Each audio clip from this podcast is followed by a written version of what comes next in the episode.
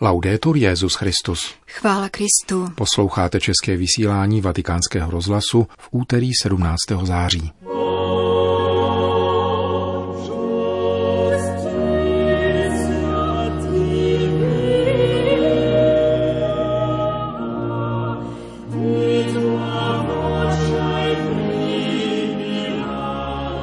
Soucit je jazykem Boha, kázal papež František při raním v kapli domu svaté Marty. Ve Vatikánu probíhá přípravný seminář ke světovému setkání o výchově. Itálie má novou blahoslavenou Benedettu Bianchi Porro. To jsou hlavní témata našeho dnešního pořadu, kterým provázejí Milan Glázer a Jana Gruberová.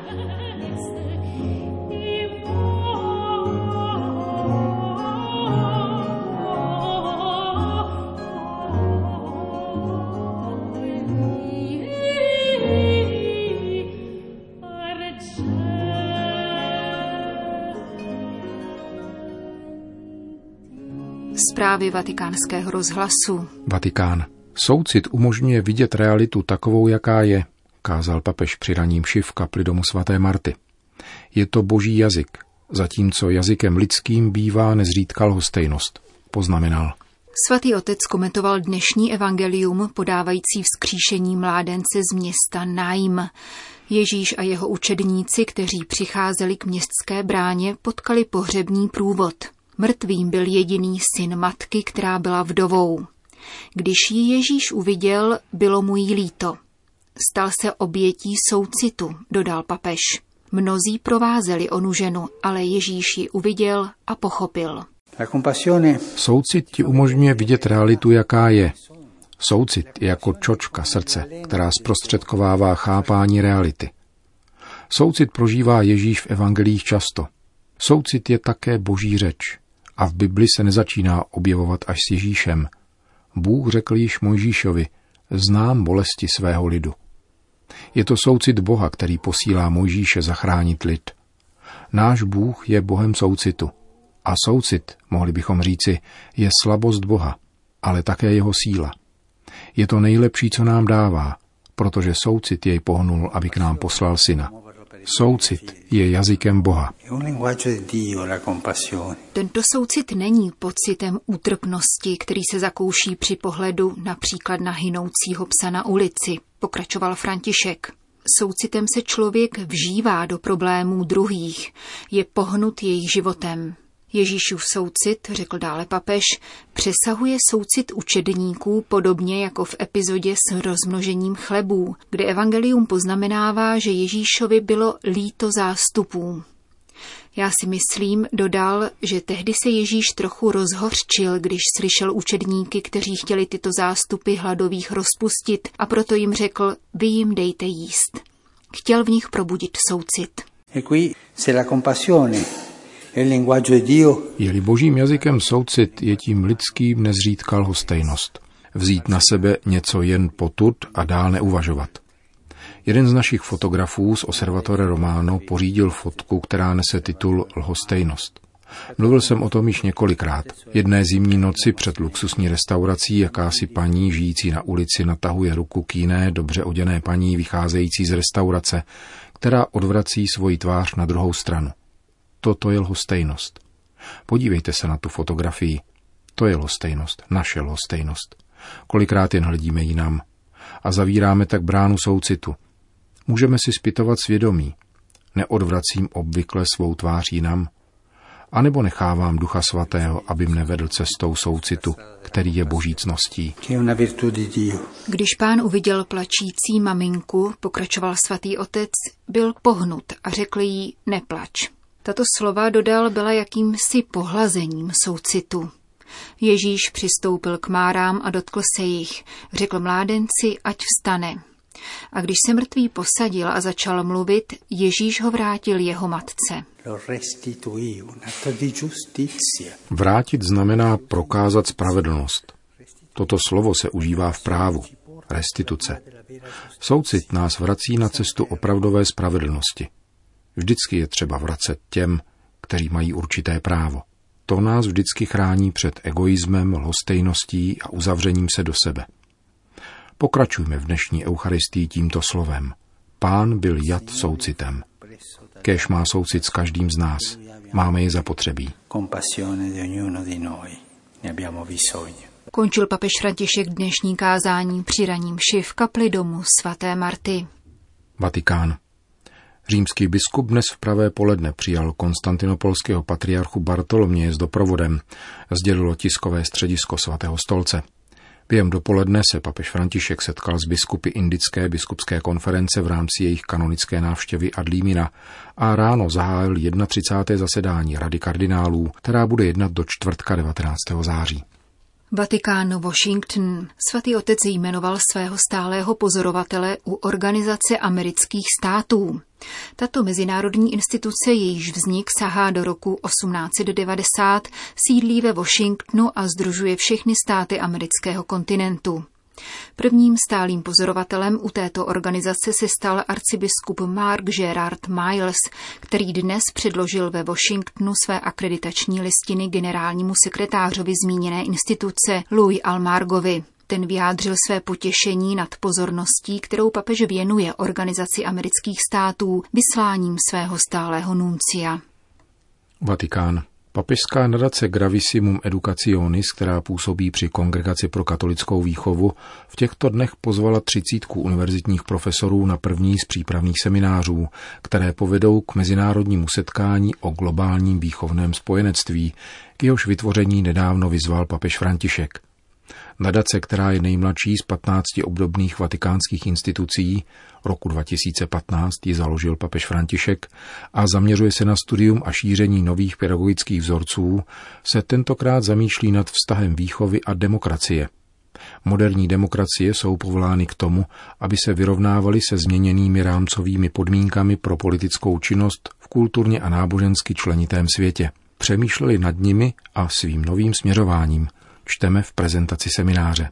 Do projektu papežské nadace se zapojilo 14 převážně katolických univerzit po celém světě, které v daném společenském kontextu nabídnou formační programy o demokratické praxi a politické účasti v pluralitním světě. Cílem je přispět k harmonickému soužití mezi občany demokratických států, kteří mají rozličná náboženská přesvědčení, etické horizonty a tradice, avšak mohou se shodnout na základních společných hodnotách, jakými jsou mír, solidarita a obecné dobro.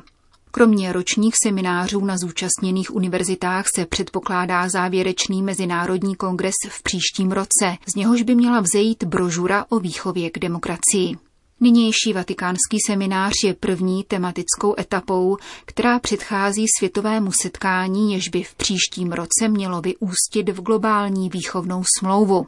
Další obdobné konference zaměřené na různá témata, od lidských práv přes výchovu k míru po mezináboženský a mezigenerační dialog či ochranu životního prostředí, se budou konat zhruba s měsíční frekvencí převážně v různých italských vzdělávacích institucích, ale též ve Spojených Arabských Emirátech. Vatikán, Sýrie. Papež František požehnal ikonu Pany Marie Bolestné, těšitelky Syřanů.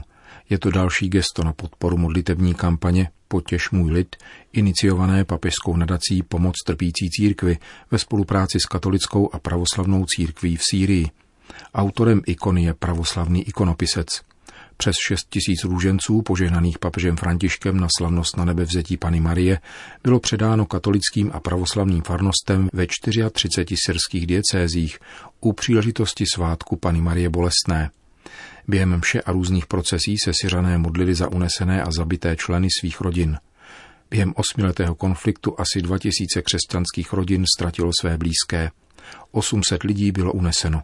Spolu s růženci byly syrským křesťanům předány také Bible v arabštině a křížky z olivového dřeva ze svaté země, požehnané syrsko-pravoslavným patriarchou Efrémem III.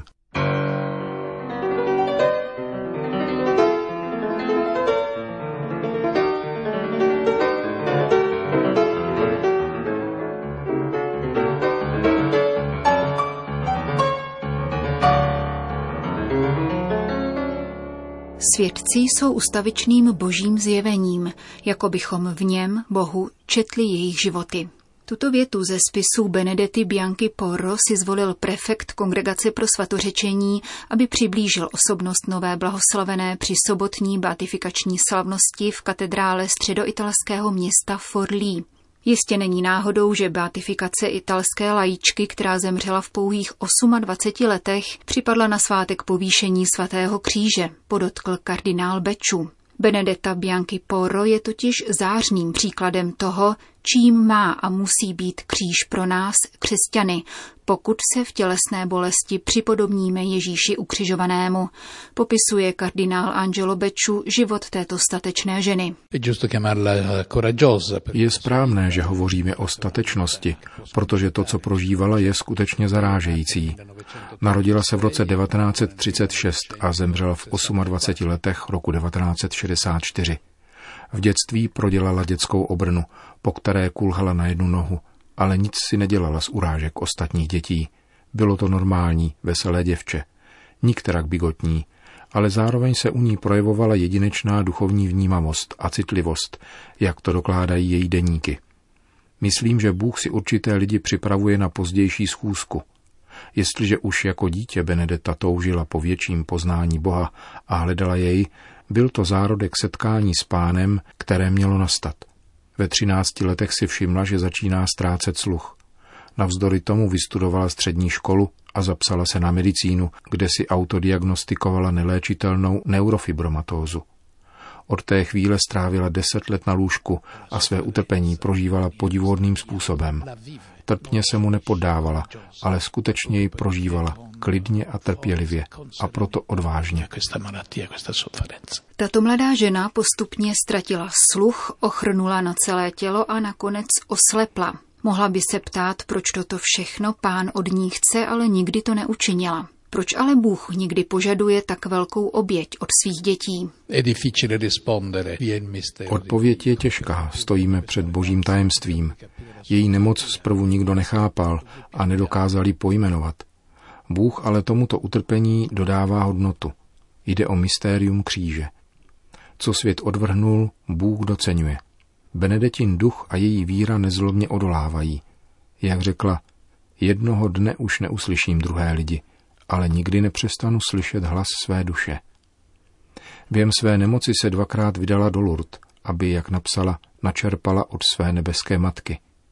Je téměř slepá, ale navzdory tomu utěšuje dívku na vozíčku, která pláče nad svým stavem a modlí se za ní. Krátce na to se tato nemocná dívka postaví na nohy a Benedeta je šťastná, že byla na blízku zázračnému vyléčení, aniž by uzdravené jakkoliv záviděla. Toto je čirá, nezištná, absolutní láska. Benedeta si nestěžuje na vlastní námahu a bolest, protože je poctěna tím, že je připoutána ke Kristu, byť na kříži. Krátce před smrtí ji Bůh potěšil několikrát se opakujícím viděním, při kterém spatřila prázdný hrob, zalitý světlem a bílou růži. Taková růže skutečně rozkvetla v zahradě jejich rodinného domu v den jejího úmrtí, 23. ledna roku 1964, tedy v prostřed zimy. Velikost svědců ale nespočívá v těchto zázračných znameních, ale ve víře, že smrtí přejdou do světla. Mimořádný život nové blahoslavené dokládá bohatá korespondence s mnoha přáteli, kterým ona sama pravděpodobně dávala víc, než od nich obdržela. Jaké poučení a poselství z ní vyplývá? Doufejme, že toto poselství prorazí současnou mentalitu, která nechápe a nepřijímá utrpení a prosazuje eutanázii. Takový člověk jako Benedetta by zde podle mnoha názorů neměl co dělat a bylo by lépe ukončit jeho utrpení a pomoci mu zemřít. Její život a svědectví by nás tedy měli vyprovokovat a připomenout, že život není náš, nýbrž je to boží dar a že ji máme prožívat do poslední chvíle. Pokud se totiž prožívá dobře, je to poselství lidstvu. Domnívám se, že Benedetta šířila takovéto bohatství a krásu. Řekl vatikánskému rozhlasu prefekt Kongregace pro svatořečení kardinál Angelo Beču. Končíme české vysílání vatikánského rozhlasu. Chvála Kristu. Laudetur Jezus Christus.